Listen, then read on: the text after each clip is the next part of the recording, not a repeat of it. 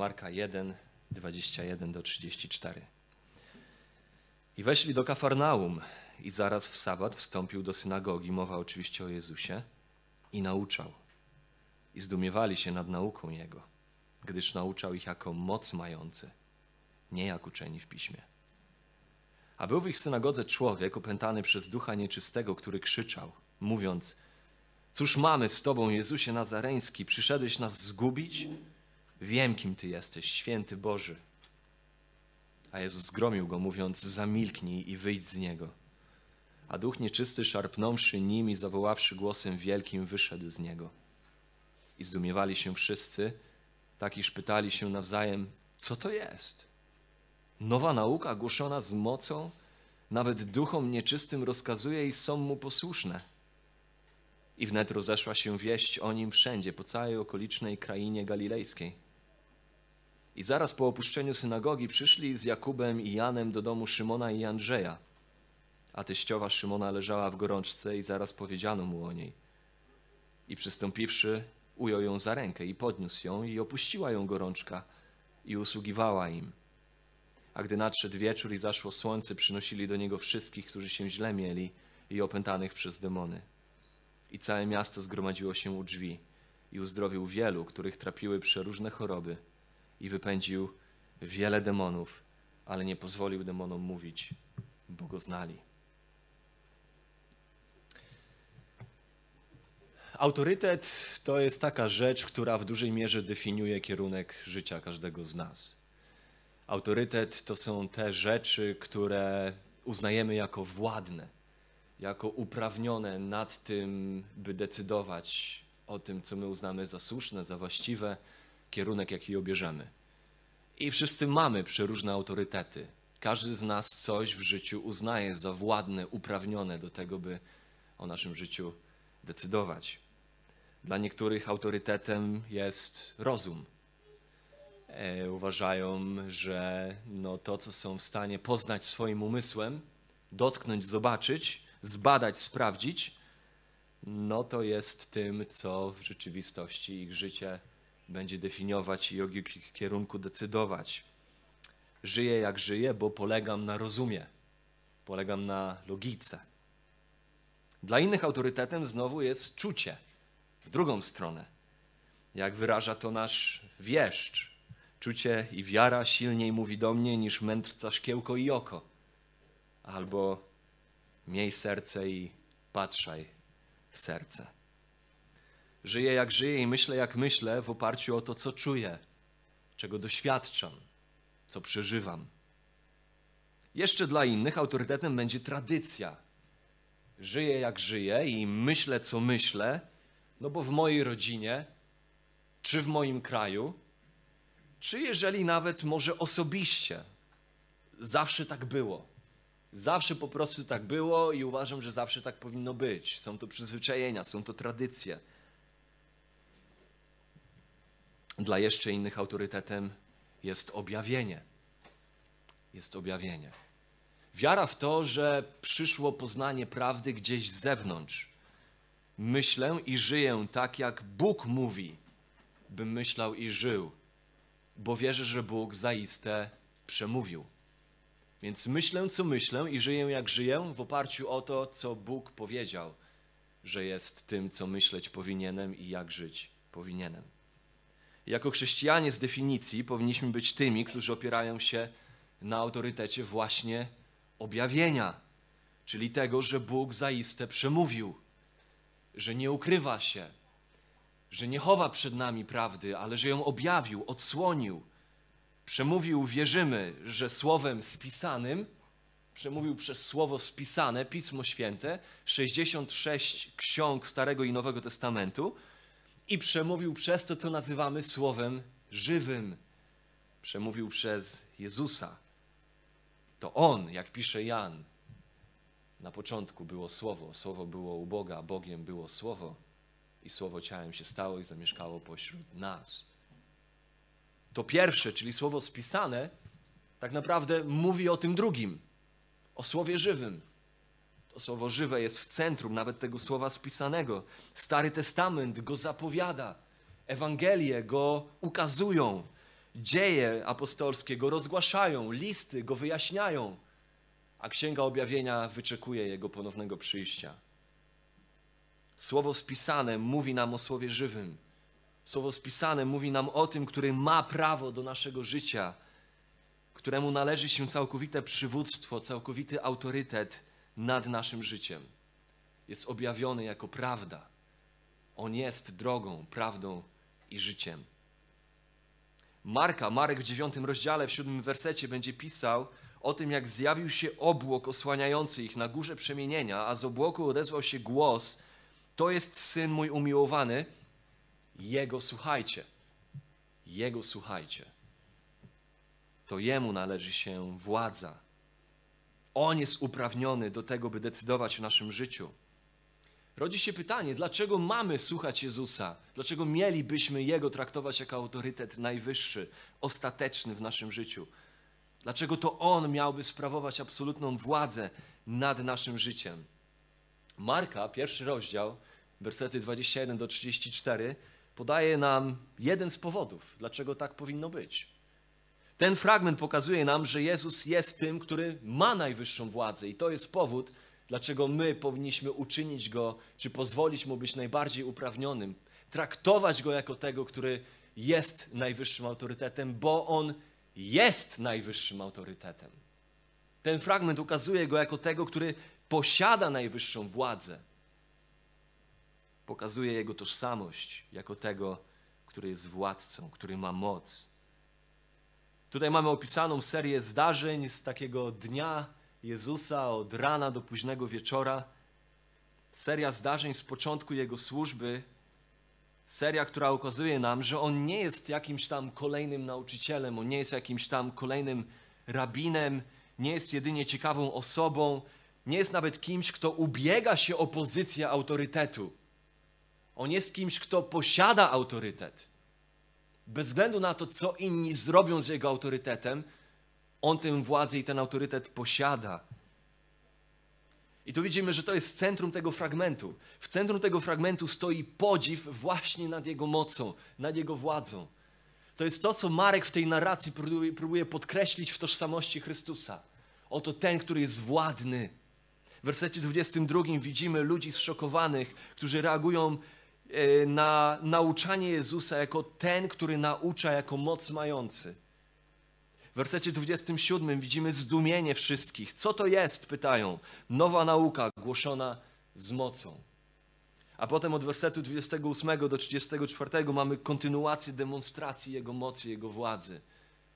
To jest centrum tej narracji Marka. Pokazać nam Jezusa jako tego, który ma władzę. I słowo, które się tutaj pojawia, to greckie słowo exousia. Trochę dzisiaj będzie greki, ale ona jest potrzebna, bo w polskim mamy słowo moc, które potrafi być mylne dla nas. To słowo moc się pojawia w różnych fragmentach, chociażby Ewangelii Marka, oddając tak naprawdę różne greckie słowa. Tutaj mamy do czynienia ze słowem exousia, które w innych y, przekładach Biblii pojawia się właśnie jako władza. Jak to na przykład jest w Biblii Tysiąclecia, czy w Biblii Ewangelicznego Instytutu Biblijnego, właśnie jako władza. W języku angielskim jako autorytet. I słusznie, bo słowo exousia ma trochę inny wydźwięk niż na przykład greckie słowo dunamis. Słowo dunamis też tłumaczone jako moc. Na przykład w Marka 5:30, gdzie Jezus poczuł, jak uszła z niego moc, kiedy został dotknięty przez chorą kobietę. Uszła z niego moc. Tam jest odniesienie do dunamis, do siły Jezusa. Tutaj natomiast mamy do czynienia ze słowem exousia. Różnica pomiędzy tymi dwoma pojęciami, exousia, dunamis, w języku polskim oba tłumaczone bardzo często jako moc, jest trochę taka jak różnica pomiędzy kulturystą, mocą jaką posiada kulturysta, a mocą jaką posiada sędzia na boisku piłkarskim. Moc kulturysty jest zawarta w jego sile moc sędziego jest zawarta w jego pozycji. W tym, kim został ustanowiony, jaką pozycję zajmuje i w tym, do czego ma prawo. I nawet kiedy na boisku znajdzie się piłkarz, który ma więcej dunamis od sędziego, to i tak nic nie może zrobić w obliczu decyzji sędziego, który posiada na boisku exousia, który posiada autorytet. Zgadza się? I chociaż Jezus posiada zarówno władzę, jak i siłę i moc, On posiada zarówno exousia i dunamis, to tutaj na początku Jego publicznej służby Marek chce nam pokazać właśnie Jego wyjątkowość w sensie Jego władzy, Jego autorytetu i tym samym uzmysłowić nam, dlaczego Jezus powinien zajmować najważniejsze miejsce w naszym życiu. Miejsce autorytetu, miejsce władzy nad naszym życiem, naszym myśleniem, naszymi decyzjami, naszym postępowaniem, naszymi wartościami, naszymi relacjami i nad naszym wszystkim. Marka 1, 21 do 34 podaje nam przynajmniej dwa z wielu biblijnych powodów wskazujących na wyjątkowość Jego władzy. Po pierwsze, wersety 21 do 22 widzimy wyjątkowość władzy Jezusa, która przejawia się w Jego nauce. On naucza jako moc, jako władzę, jako autorytet mający. Od wersetu 23 do wersetu 34 widzimy wyjątkowość władzy Jezusa, która przejawia się w Jego czynach. Najpierw widzimy władzę przejawiającą się w słowach, potem widzimy Jego władzę przejawiającą się w czynach. I tam 23 do 28 to są czyny wobec sił ciemności, a wersety 29 do 34 to są Jego czyny wobec choroby. Spójrzmy najpierw na wyjątkowość władzy Jezusa przejawiającej się w Jego nauce, w Jego słowach. Wersety 21 22. Tam widzimy akcja rozgrywa się w Kafarnaum. Dość znaczące miasteczko na północno-zachodnim wybrzeżu Morza Galilejskiego. Swe znaczenie to miasteczko zawdzięczało prężnie rozwiniętemu, działającemu portowi rybackiemu. To tutaj właśnie do Kafarnaum przyprowadzili się z Betsajdy Szymon i Andrzej, jego brat, najprawdopodobniej by tutaj właśnie pracować, tutaj zarabiać na życie, to tutaj też zamieszkał Jezus, kiedy opuścił Nazaret. I tutaj najaktywniej nauczał, i tutaj najaktywniej służył. To stąd rozeszła się wieść po całej krainie galilejskiej o jego nadzwyczajnej nauce i jego czynach. Widzimy to w tym fragmencie, w wersecie 28. Miałem okazję być w Kafarnaum. I jest tam fascynujące znalezisko archeologiczne, odkryte ponad 25 lat temu pod ruinami bizantyjskiego, starego bizantyjskiego kościoła, ruiny tego kościoła. Tam pod ruinami tego kościoła znaleziono pozostałości prostego, starożytnego domu, który datuje się na wczesny pierwszy wiek, a może nawet przed początki tego domu. Wszystko wskazuje na to, że te ruiny pod tym, pod ruinami bizantyjskiego kościoła, ten prosty dom, to nic innego jak dom samego apostoła Piotra i jego brata Andrzeja, w którym najprawdopodobniej zamieszkał także i Jezus z Piotrem i Andrzejem. W badaniach archeologicznych widać, że funkcja tego domu znacząco zmieniała się mniej więcej w końcówce I wieku czyli po okresie śmierci, zmartwychwstania Chrystusa, w momencie, kiedy Kościół się zrodził i zaczął rosnąć, szerzyć się, widać, że funkcja domu znacząco zmieniała się. Że z prostego domu e, zaczęły być, e, konstrukcja była trochę zmieniana tak, żeby go dostosować jako miejsce do zgromadzeń, jakichś publicznych, lokalnych, społecznych zgromadzeń. Ten zwykły dom więc został przetransformowany w bardzo proste miejsce zgromadzeń. A w następnych stuleciach, mniej więcej do IV wieku, od I do IV wieku, widać jak stopniowo był rozbudowywany. W ścianach znaleziono liczne inskrypcje odnoszące się między innymi do Chrystusa, ale także do Piotra, z symbolem łódki na przykład. Jako Piotra, który był rybakiem inskrypcje napisane w grece, niektóre w hebrajskim, niektóre w starożytnym syryjskim. W późniejszych latach, w V wieku, na miejscu tego domu wybudowano dopiero taki kościół, tak jak my rozumiemy budynek kościelny. Wybudowano budynek kościelny jako swego rodzaju katedrę. istnieje ogromne prawdopodobieństwo, że to właśnie te ruiny były domem Piotra, Andrzeja, w którym też zamieszkał sam Jezus. Fascynujące. To możliwe, że to jest ten dom, do którego udał się Jezus i jego uczniowie zaraz po wizycie w synagodze. W wersecie 29. Kiedy to zaraz po opuszczeniu synagogi przyszli z Jakubem i Janem do domu Szymona i Andrzeja. Ruiny tego domu, szanse są ogromne, można zobaczyć dzisiaj w Kafarnaum. No więc czytamy, że był sabat, kiedy to wszystko się dzieje. Sabat. Naturalnie tego dnia mieszkańcy Kafarnaum szli do synagogi, miejsca zgromadzeń, uwielbienia Boga. Żeby gdzieś powstała synagoga w danym mieście, musiało być przynajmniej dziesięciu żydowskich mężczyzn powyżej 13 roku życia. To oczywiście nie był problem w Kafarnaum. Niektórzy możemy sobie wyobrazić tego dnia, szli do synagogi, może jeszcze lekko zaspani, niedospani, zmęczeni. Inni może szli tego dnia do synagogi wielce obciążeni po trudnym tygodniu pracy.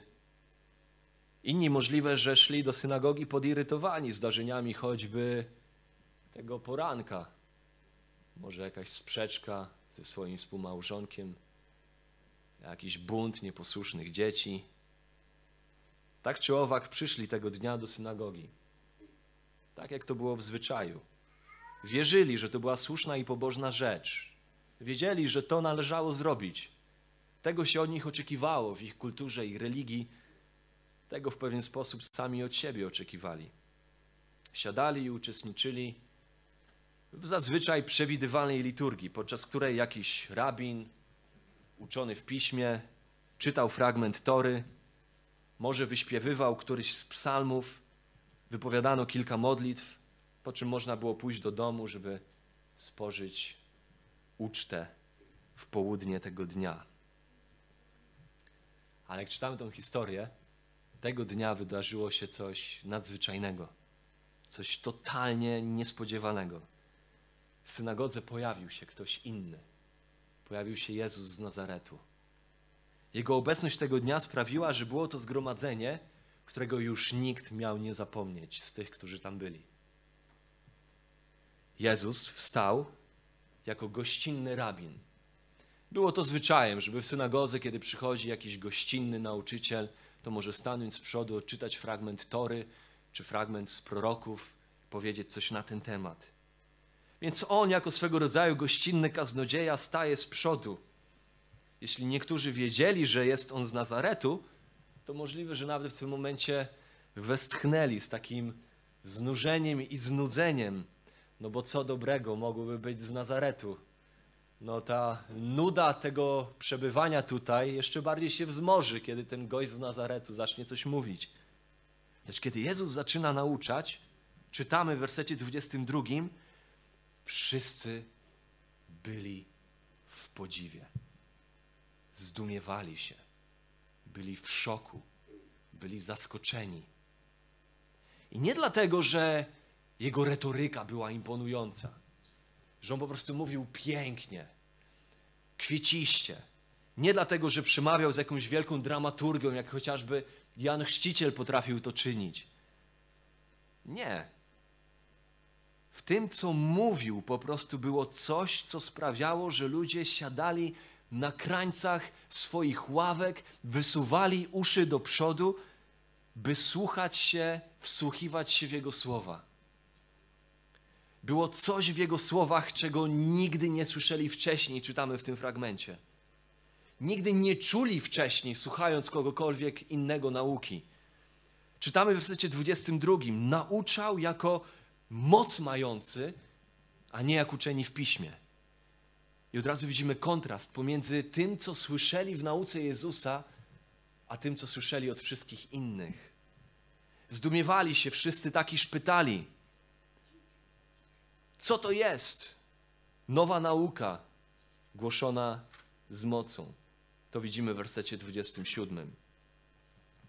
Marek nie mówi nam nic na temat treści, nauki Jezusa tego dnia, nie skupia się na zawartości tego, co mówił Jezus, ale skupia się na tym, który mówił. Skupia się na Jezusie, na Jego mocy, na Jego władzy, na Jego autorytecie, w tym, co mówił. I skupia się na zdumieniu tych, którzy tego dnia go słyszeli. W tym, co mówił i jak mówił, był pewien do tej pory nieznany dla słuchaczy ciężar, powaga, treściwość, przenikliwość, moc, eksusja, autorytet, władza płynęła z tego, co on mówił. I te rzeczy były trudne do wytłumaczenia. On nie mówił jak uczeni w piśmie. Możliwe, że nauczał o tym, że wypełnił się czas i przybliżyło się Królestwo Boże. Tak opisane jest jego przesłanie zaraz na początku jego publicznej służby, wcześniej, w wersecie 15. Możliwe, że wzywał ludzi do upamiętania i do zawierzenia Ewangelii. Tak czy owak, nauka tego Jezusa była wyjątkowa. Ludzie od razu zauważyli, że była inna. I musimy mieć na uwadze, że kiedy jest tutaj ten kontrast pomiędzy nauką Jezusa a nauką uczonych w piśmie, to nie jest to kontrast bez znaczenia. Jego nauka była inna od tych, których oni słyszeli co tydzień. I musimy mieć na uwadze, że uczeni w piśmie byli najlepszymi z najlepszych. Nie było już nikogo lepszego od uczonych w piśmie. Nie było nikogo ponad nimi, kto potrafiłby nauczać lepiej, kto byłby lepiej wprawiony w wykładaniu tory. Oni byli wyszkoleni, oni byli wyćwiczeni w nauczaniu pisma. Ich erudycja, ich prestiż osiągały legendarne proporcje w pierwszym wieku naszej ery. Wielu z uczonych w piśmie było faryzeuszami, niektórzy byli saduceuszami. To byli najlepsi z najlepszych. Oni byli elitą i przywilejem było siedzieć pod ich nauką. Jednak uczeni w piśmie mówili inaczej niż mówił Jezus. Jezus mówił inaczej niż oni. Uczeni w piśmie czerpali autorytet z tradycji ludzkich. Widzimy to w siódmym rozdziale Ewangelii Marka. Wersety 8 do 13. Tak więc i wy jesteście niepojętni, nie rozumiecie, że wszystko, co z zewnątrz wchodzi do człowieka, nie może go kalać, bo nie wchodzi w jego serca, lecz do żołądka i wychodzi na zewnątrz, oczyszczając wszystkie pokarmy. Mówi bowiem, to, co wychodzi z człowieka, to kala człowieka, albowiem z wnętrza człowieka z wnętrza człowieka, z serca ludzkiego pochodzą złe myśli, wszeteczeństwa, kradzieże, morderstwa, cudzołóstwa, chciwość, złość, podstępy, lubieżność, zawiść, bluźnierstwo, pycha, głupota. Wszystko to złe pochodzi z wewnątrz i kala człowieka. Jesteście niepojętni. Czy nie rozumiecie, że jest inaczej niż mówi wasza nauka, wasze tradycje, ta nauka, którą przywołujecie zazwyczaj z autorytetów tradycji, z autorytetów ludzkich, poprzednich rabinów, bo to jest dokładnie to, na czym się opierała ich nauka. To jest autorytet, z którego oni czerpali. Oni opierali się na przywoływaniu znanych i szanowanych nauczycieli z przeszłości i na tym budowali naukę i na tym budowali wykład Tory. Tu widzimy, że autorytet Jezusa pochodził z Niego samego. On po prostu mówił z autorytetem. Posiadał autorytet sam w sobie. On jest tym, który definiował prawdę. On definiował to, co jest słuszne i to, co jest właściwe. Nauczał, jakby sam był Bogiem. Bo w istocie tak było. Jego nauka była nauką boską. W Ewangelii Jana w 8 rozdziale, 26 wersecie czytamy: Wiele mógłbym o was mówić i sądzić, lecz ten, który mnie posłał, jest wiarygodny, a ja to, co usłyszałem od niego, mówię do świata. Ja mówię rzeczy, które przynoszę wprost od Boga. Moja nauka jest nauką boską. Jezus, kiedy naucza, nie musi przywoływać, powoływać się na nic i na nikogo innego, by zyskać autorytet. On ma autorytet sam w sobie. W jego nauce jest autorytet. W kazaniu na górze Jezus szokuje tym, że kiedy naucza, mówi: Słyszeliście, iż napisano ale ja wam powiadam. Nam jest nawet ciężko uzmysłowić sobie, jak szokującym stwierdzeniem to było dla uszu ówczesnych Żydów. Słyszeliście, iż napisano, lecz ja wam powiadam. Ja ze swoim własnym autorytetem, jako ten, który definiuje prawdę, definiuje to, czym jest Boże Słowo i co ono mówi. To jest ten, który definiuje, co jest słuszne i co słuszne nie jest. W końcu, jak czytamy w Hebrajczyków, pierwszy rozdział, wersety 1-2, wielokrotnie i wieloma sposobami przemawiał Bóg dawnymi czasy do ojców przez proroków, lecz ostatnio, przecież ostatecznie u kresu tych dni przemówił do nas przez Syna, którego ustanowił dziedzicem wszech rzeczy, przez którego także świat stworzył. To jest ten, przez którego przemówił sam Ojciec. To jest autorytet Jego słów. Jego słowa są słowami z mocą, są nauką jak nauka nikogo innego. I ci, którzy spotkali Go tego dnia w synagodze, wiedzieli to, czuli to, słyszeli to, kiedy skonfrontowani byli z Jezusem z Nazaretu. Tutaj też mamy pierwszą konfrontację Jezusa z uczonymi w piśmie, gdzie zaczynamy dostrzegać kontrast pomiędzy nim, czy pomiędzy nimi, a Jezusem. Coś, co przez resztę historii życia Jezusa ziemskiego będzie narastać z czasem, aż staną oni w tak silnej opozycji wobec Jezusa, mając udział w wydaniu go na śmierć, na krzyż. Jezus wielokrotnie będzie konfrontował ich legalizm, ich obłudę, hipokryzję, samosprawiedliwość. Jeśli niektórzy boją się, że są zbyt brudni, zbyt grzeszni, żeby Bóg mógł ich przyjąć, by być zbawionymi, to uczeni w piśmie raczej uważali, że są zbyt czyści, są zbyt święci, są zbyt dobrzy, by w ogóle zbawienia potrzebować.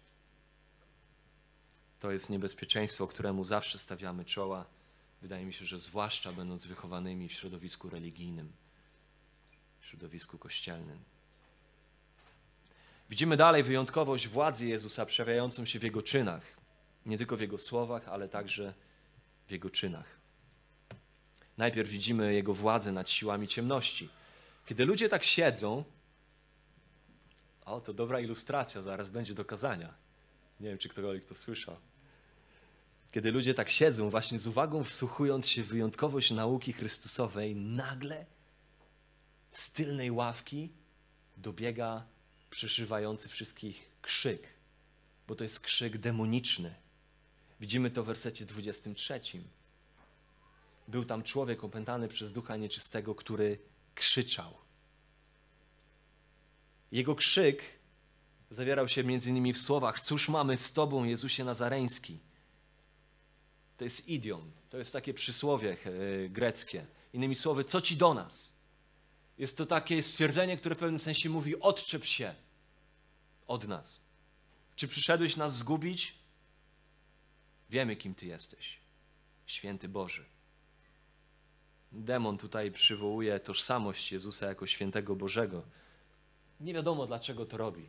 Możliwe, że robi to z nadzieją, że Jezus da mu spokój, skoro on jako demon uznaje jego tożsamość, wyznaje jego tożsamość zgodnie z prawdą tego, kim naprawdę jest, uznaje Jezusa jako świętego Bożego.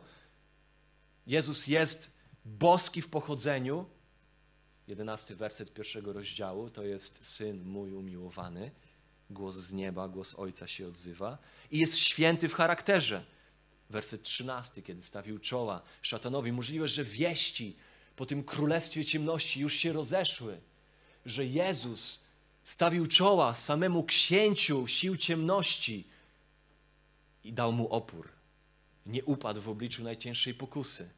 Więc ten demon wyznaje: Ty jesteś świętym Bożym. Ty jesteś boski w swym pochodzeniu, jesteś święty w swym charakterze. Ja to uznaję. Odczep się. Nie niszcz nas. Daj nam spokój. Przy okazji mamy tutaj taką uwagę. Uznanie tożsamości Jezusa nic nie zmienia. Jakub pisze w swoim liście, drugi rozdział listu Jakuba, 19 werset. Wierzysz, że jeden jest Bóg? Słusznie czynisz, lecz także i złe duchy wierzą i drżą. Samo intelektualne zgodzenie się na to, jak objawia nam tożsamość Jezusową Słowo Boże, nic nie zmienia. Wciąż zostawia nas takimi samymi, jeżeli to jest jedyne, jedyna rzecz, na której my opieramy istotę naszego chrześcijaństwa, to jest intelektualna zgoda z tożsamością Jezusową, to musimy rozumieć, że w tym momencie wciąż nie różnimy się niczym od demonów. Jesteśmy dokładnie w tym samym miejscu, co demony.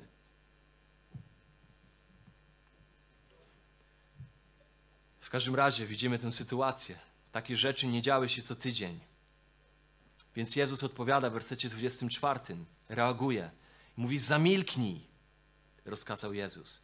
Wydaje mi się, jak sobie próbuję wyobrazić tę sytuację, tam pobyt w tej synagodze tego dnia. Pewnie wszyscy byli wdzięczni, że on to powiedział.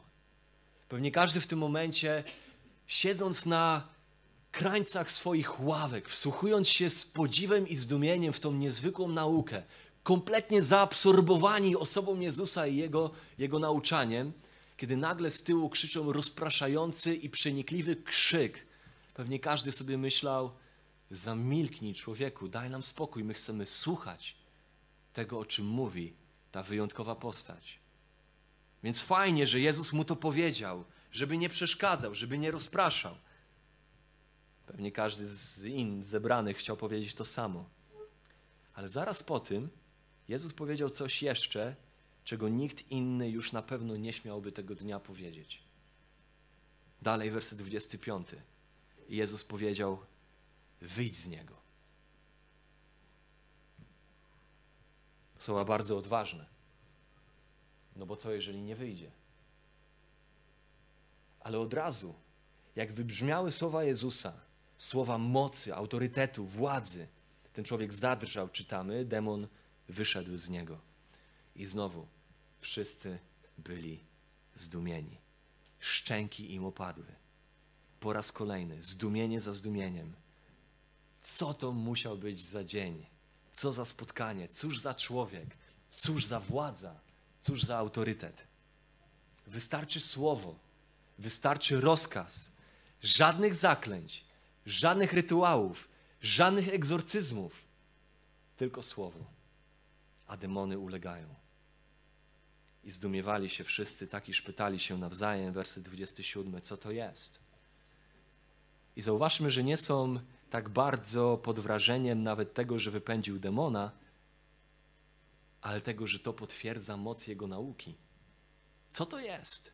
Nowa nauka głoszona z władzą, z mocą. Nawet duchom nieczystym rozkazuje i są mu posłuszne. W centrum jest to, co Jezus mówi. I tutaj zaraz po tym, jak Jezus zaczął nauczać, następuje właśnie w pewnym sensie test jego nauki. Oto ten, który staje przed nami i mówi, jakby miał władzę, i mówi, jakby miał moc. Mówi z wielką mocą, z wielką władzą. Ale dlaczego? Kto dał mu do tego prawo? Czy on faktycznie ma jakąkolwiek władzę? Czy on ma jakąkolwiek moc? Otóż oto od razu pojawia się próba, od razu pojawia się test. Czy Jezus nauczający z władzą faktycznie posiada władzę? Okazuje się, że absolutnie tak. Autorytet nauki Jezusa potwierdzony jest w jego autorytecie w tym momencie nad światem nadprzyrodzonym.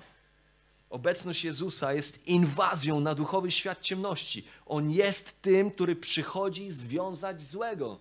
Jak napisze Marek w trzecim rozdziale, 27 wersecie. To jest ten, który może mówić z władzą, bo on ma władzę. Bo on ma władzę. My żyjemy w paradoksalnych czasach, bo z jednej strony w dyskusjach religijnych odrzuca się rzeczywistość duchową, rzeczywistość szatana i demonów.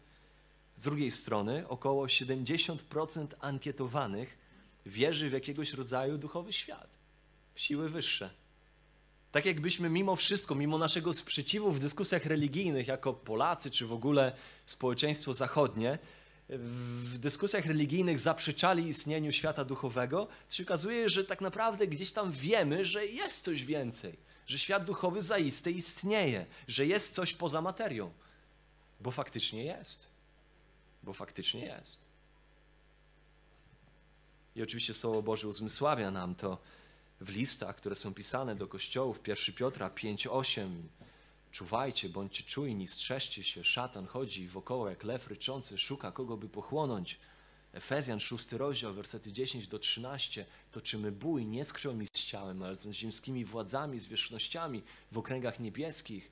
Więc uzbrójmy się w całą zbroję Bożą, żebyśmy mogli stawić czoła wszelkim zasadzkom diabelskim. On jest aktywny, zasadza, czy, czy sta, stawia zasadzki diabelskie. No, tego dnia wszyscy wyszli z synagogi zdumieni. Wyszli z synagogi z poczuciem, że byli w obecności kogoś wyjątkowego, jakby samego Boga, w sposób, w jaki nigdy wcześniej tego nie doświadczyli. Spotkali tam Jezusa tego dnia i czytamy w wersecie 28 i nie mogli przestać o nim mówić. Więc wieść o nim rozeszła się po całej krainie galilejskiej. I dalej widzimy kolejną historię. Sceneria się zmienia, mamy wciąż ten sam dzień. To był dzień pełen zajęć dla Jezusa i uczniów. Był to pracowity dzień. Zaraz jak wychodzą z synagogi, udają się do domu Szymona i Andrzeja. I tam teściowa Szymona leży chora z gorączką, co przy okazji wskazuje nam na to, że Szymon Piotr był żonaty. Nic nie wiemy o jego żonie. Nie jest to istotne. Tam teściowa Szymona leży chora z gorączką. Nic więcej nie wiemy o jej chorobie, bo znowu, nie natura jej choroby jest istotna. Wiemy jedynie, że to gorączka. Nie choroba jest w centrum, ale ten, który za chwilę z tą chorobą się rozprawi. Werset 30. I zaraz natychmiast powiedziano mu o niej. I tak szybko, jak mu o niej powiedziano, tak szybko, werset 31, przystąpił do niej, ujął ją za rękę i podniósł ją. I opuściła ją gorączka i usługiwała im. I znowu, nie ma żadnych zaklęć, nie ma żadnego tańca szamanów, żadnych rytuałów, żadnego pytania o jej wiarę, ale po prostu manifestacja jego władzy. Oto ten, który przyszedł pokazać, że ma władzę. Ma władzę nad siłami ciemności i ma władzę nad chorobą. Nie tak jak to ma miejsce dzisiaj w przypadku wielu współczesnych uzdrowicieli, którzy to zawsze w centrum ich możliwości, by kogoś uzdrowić, stawiają tych, których rzekomo uzdrawiają. No bo uzdrowiłem kogoś, bo ten ktoś miał wiarę, albo nie uzdrowiłem tego kogoś, nie dałem rady, no bo to jest wina tego kogoś, bo nie miał wiary. Tutaj, jak i w wielu innych miejscach, Jezus po prostu uzdrawia. Nie ma pytania o czyjąkolwiek wiarę. Tutaj przynoszono całe miasto do Niego. Absolutnie nie możemy założyć, że ci ludzie, wszyscy, którzy byli do Niego przyniesieni, mieli wiarę. Bo potem widzimy w późniejszych fragmentach osąd wydany nad całym miastem Kafarnaum, że ono nie przyjęło Jezusa, tego, który pośród nich dokonywał cudów i który uczył ich. Też w piśmie będzie kilka sytuacji, w których Jezus uzdrowi w nietypowy sposób, posługując się dziwnymi metodami. Między innymi w siódmym i w ósmym rozdziale dotrzemy do takiej historii.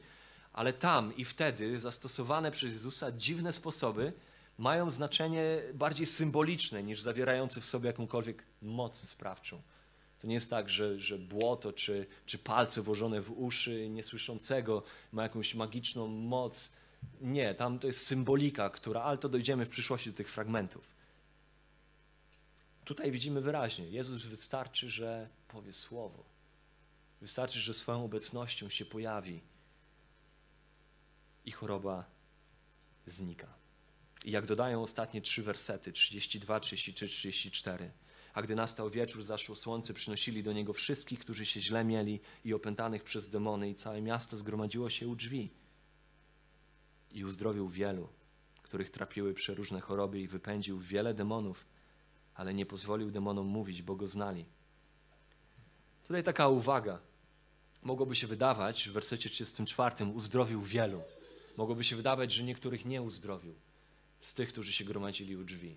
Natomiast w Grece to słowo, które jest tutaj widoczne, jest słowem, które raczej oznacza, że uzdrowił wielu, w sensie, że tego dnia wielu przyszło przez, przed drzwi być uzdrowionym. Jest to słowo, które bardziej ma znaczenie.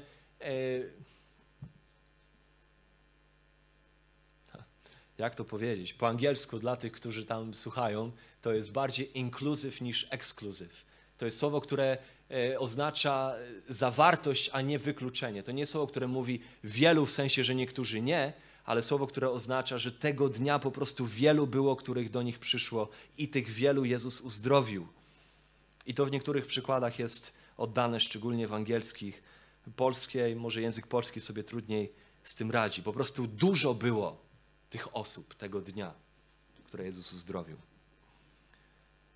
Znosili do niego chorych i opętanych, a on ich uzdrawiał i uwalniał. I kolejna uwaga. To nie jest historia o nas. To nie historia o tym, co my mamy robić. To nie jest historia, która uczy nas, która uczy nas, jak my mamy dzisiaj postępować, skoro Jezus te rzeczy robił tutaj. To jest historia o tożsamości Chrystusa. To jest historia o tym, komu my mamy raczej się podporządkować, kogo kochać i kogo wielbić i komu służyć, bo to ten, który posiada władzę. To jest historia ujawniająca to, kim on jest. Nie jacy my mamy być, że skoro on te rzeczy robił, teraz my pójdziemy robić te same rzeczy. Tu jest pokazana jego wyjątkowość. Jednocześnie od samego początku widzimy tutaj w tym fragmencie naturę Jezusa jako władcy. Jak będzie postępował ten, który ma wszelką władzę? Czy będzie pozbywał się tych, którzy będą go irytować? Czy będzie popisywał się swoją mocą, tak by zyskać uznanie? Czy będzie domagał się, by całowano go w dłonie i klękano przed nim?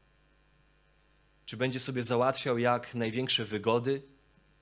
My wiemy, my bardzo dobrze wiemy, jak władza działa w rękach tego świata, w rękach ludzi. I zanim rzucimy w kogokolwiek kamieniem, my wiemy, jak jakikolwiek wymiar władzy działa w naszych rękach. Co my robimy z jakąkolwiek miarą władzy, która jest nam dana.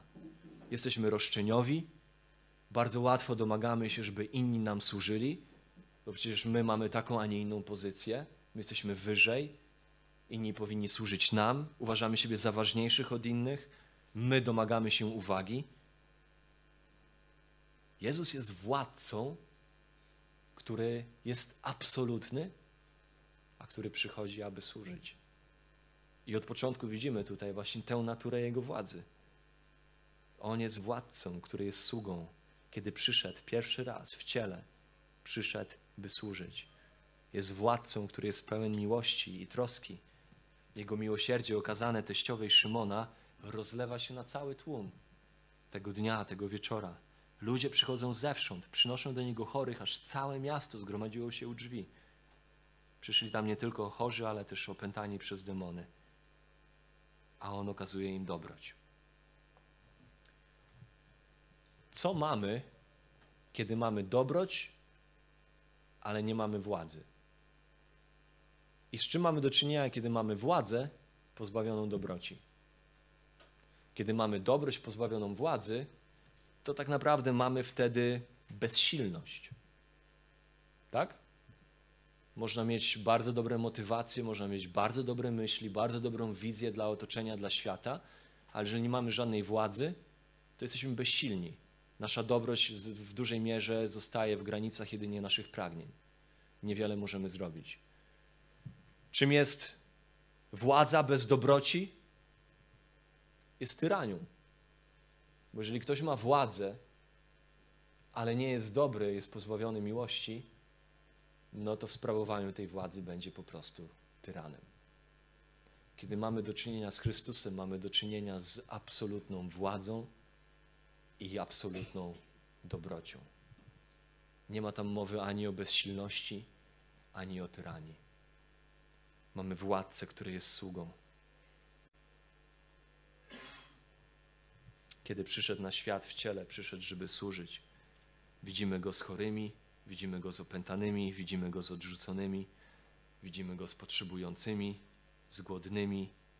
Widzimy, jak cierpliwie uczy, jak pomaga, jak uzdrawia, jak uwalnia, jak karmi. Jego służba zranionym i potrzebującym od samego początku cechuje jego aktywność. To jest to, jaki on jest w swojej władzy. On jest tym, który trzciny nadłamanej nie dołamie. On jest tym, który tlącego się knota nie dogasi. I co najważniejsze, widzimy, jak on w swojej władzy, swoją władzę wykorzystuje, by zbawić, by ratować. Marek napisze nam o tym w 10 rozdziale, 45 wersecie. Ten werset, który stoi niemalże w centrum Ewangelii Marka. Albowiem Syn Człowieczy nie przyszedł, aby Mu służono, lecz aby służyć i oddać swe życie na okup za wielu. On wykorzystuje swoją władzę, by ratować najwyższym dla siebie kosztem. Oddaje życie swoje jako okup za grzechy grzeszników, kiedy płaci za nie swoim życiem na krzyżu. Jest synem Boży, który całą swoją władzę wykorzystuje, by przynieść ratunek tym grzesznikom, którzy wyznają swoje grzechy, odwrócą się od nich uchwycą się Go swoją wiarą i ufnością, oprą się na Nim. I tutaj rodzi się jeszcze jedno pytanie, zanim skończymy. Czy w dziele zbawienia, odkupienia grzeszników zawiera się też fizyczne uzdrowienie? W końcu Izajasza 53:5 w tym tygodniu czytałem, jak na Facebooku jedna osoba przywołała ten fragment, mówiąc o tym, jak dzisiejsze chrześcijaństwo jest słabe, bo, bo zgadzamy się na chorobę, podczas gdy w odkupieniu Chrystusa nie ma pozwolenia na żadną chorobę. W imieniu Chrystusa każdą chorobę powinniśmy być w stanie przegonić i wyrzucić. W końcu Izajasza 53:5 mówi: On zraniony jest za występki nasze, starty za winy nasze. Ukarany został dla naszego zbawienia, a jego ranami jesteśmy uleczeni. Mateusz w swojej Ewangelii nawet dodaje cytat Izajasza 53:4, kiedy opisuje to samo zdarzenie.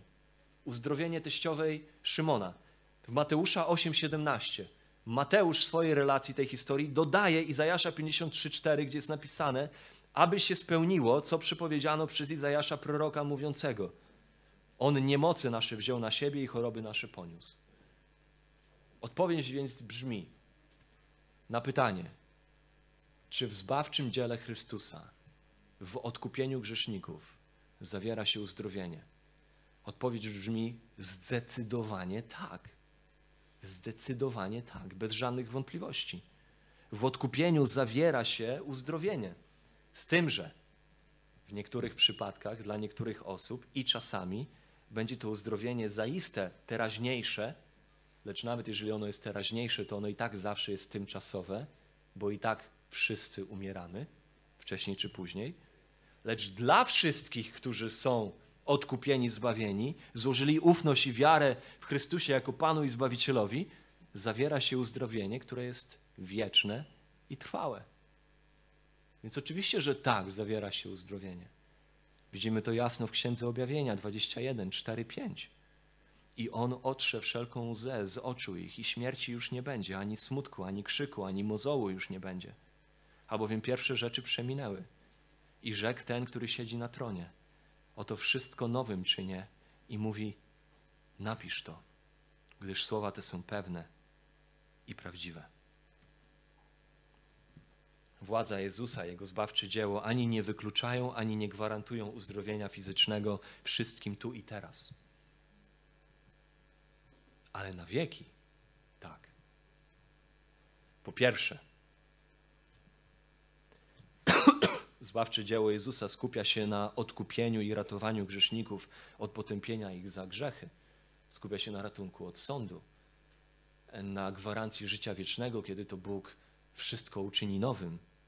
Po drugie, odkupieńcze, zbawcze dzieło Jezusa zaświadcza o tym, że w nim nastąpi odnowienie właśnie stworzenia, że to jest Jego plan na wieczność dopiero, kiedy Jezus naprawi zepsuty świat w nowym stworzeniu. I po trzecie, nawet tutaj, w tej relacji Marka, widzimy, jak jego władza, manifestująca się uzdrawianiem chorych czy uwolnieniem opętanych, w istocie służy tak naprawdę konkretnemu celowi uwierzytelnieniu Jego tożsamości, uwierzytelnieniu Jego nauki, tego, co mówi, co głosi, jako prawdę, której ludzie powinni się podporządkować, którą powinni przyjąć, w którą powinni uwierzyć, której powinni się uchwycić. To jest cel tych czynów, których dokonuje tutaj Jezus. Aby ludzie w zdumieniu mogli powiedzieć: to jest nauka, która jest nauką z mocą.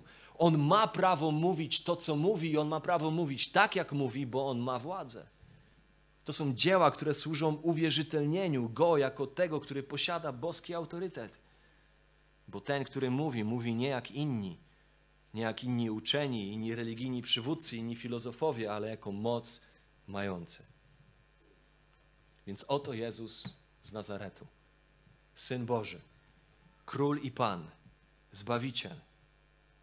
Widzimy, jak Jego obecność zmienia rzeczywistość. Demony przed Nim uciekają, chorzy dostępują uzdrowienia. Widzimy, że Jego władza jest absolutna. Nie ma miejsc, do których ona by nie sięgała. Posiada zarówno władzę, jak i siłę. Jego jest exousia i Jego jest dunamis. Jak Paweł pisze w Efezjan 1, wersety 21-22. On jest ponad wszelką nadziemską władzą, greckie arche, pod wszystkim, co jest arch dla nas, On jest ponad tym. I On jest ponad wszelką zwierzchnością, exousia, ponad każdym autorytetem. I On jest ponad wszelką mocą, mówi Paweł, dunamis, ponad każdą siłą. I On jest ponad każdym panowaniem, kurioteis, mówi Paweł. I jest ponad wszelkim imieniem, jakie może być wymienione. Nie tylko w tym wieku, ale i w przyszłym. I wszystko poddał pod nogi Jego. Do Niego należy wszystko. On wypowiada słowo i staje się. I Bóg wielce go wywyższył. Czytamy Filipian 1, 9 do 11. I obdarzył go imieniem, które jest ponad wszelkie imię, aby na imię Jezusa zginało się wszelkie kolano na niebie i na ziemi i pod ziemią, i aby wszelki język wyznawał, że Jezus Chrystus jest Panem, ku chwale Boga Ojca. I kochani, jakże mylące potrafi być dzisiejsze bardzo częste wezwanie ewangelizacyjne, żeby ludzie uczynili Jezusa swoim Panem, albo żeby uczynili Jezusa Panem. Otóż Jezus jest Twoim Panem. Gdziekolwiek znajdujesz się w swoim stosunku wobec Niego, nawet jeżeli nie wierzysz w Niego, to niczego nie zmienia. On dalej jest Twoim Panem. On ma pozycję panowania i królowania. Czy to uznajemy, czy tego nie uznajemy. Tylko, że On jest albo Twoim Panem ku sądowi i śmierci, albo będzie Twoim Panem ku zbawieniu i życiu. On posiada władzę bez względu na to, czy my to uznamy, czy nie. On posiada władzę i pozycję, by sądzić świat, i Bóg wyznaczył dzień, w którym to się stanie. Mówią nam o tym dzieje apostolskie, 17 rozdział. A to, jak przejawi się Jego panowanie, Jego władza, Jego autorytet nad Twoim życiem, zależy jedynie od tego, czy potraktujesz Go z buntem przeciw Niemu, czy z wiarą podążającą za Nim.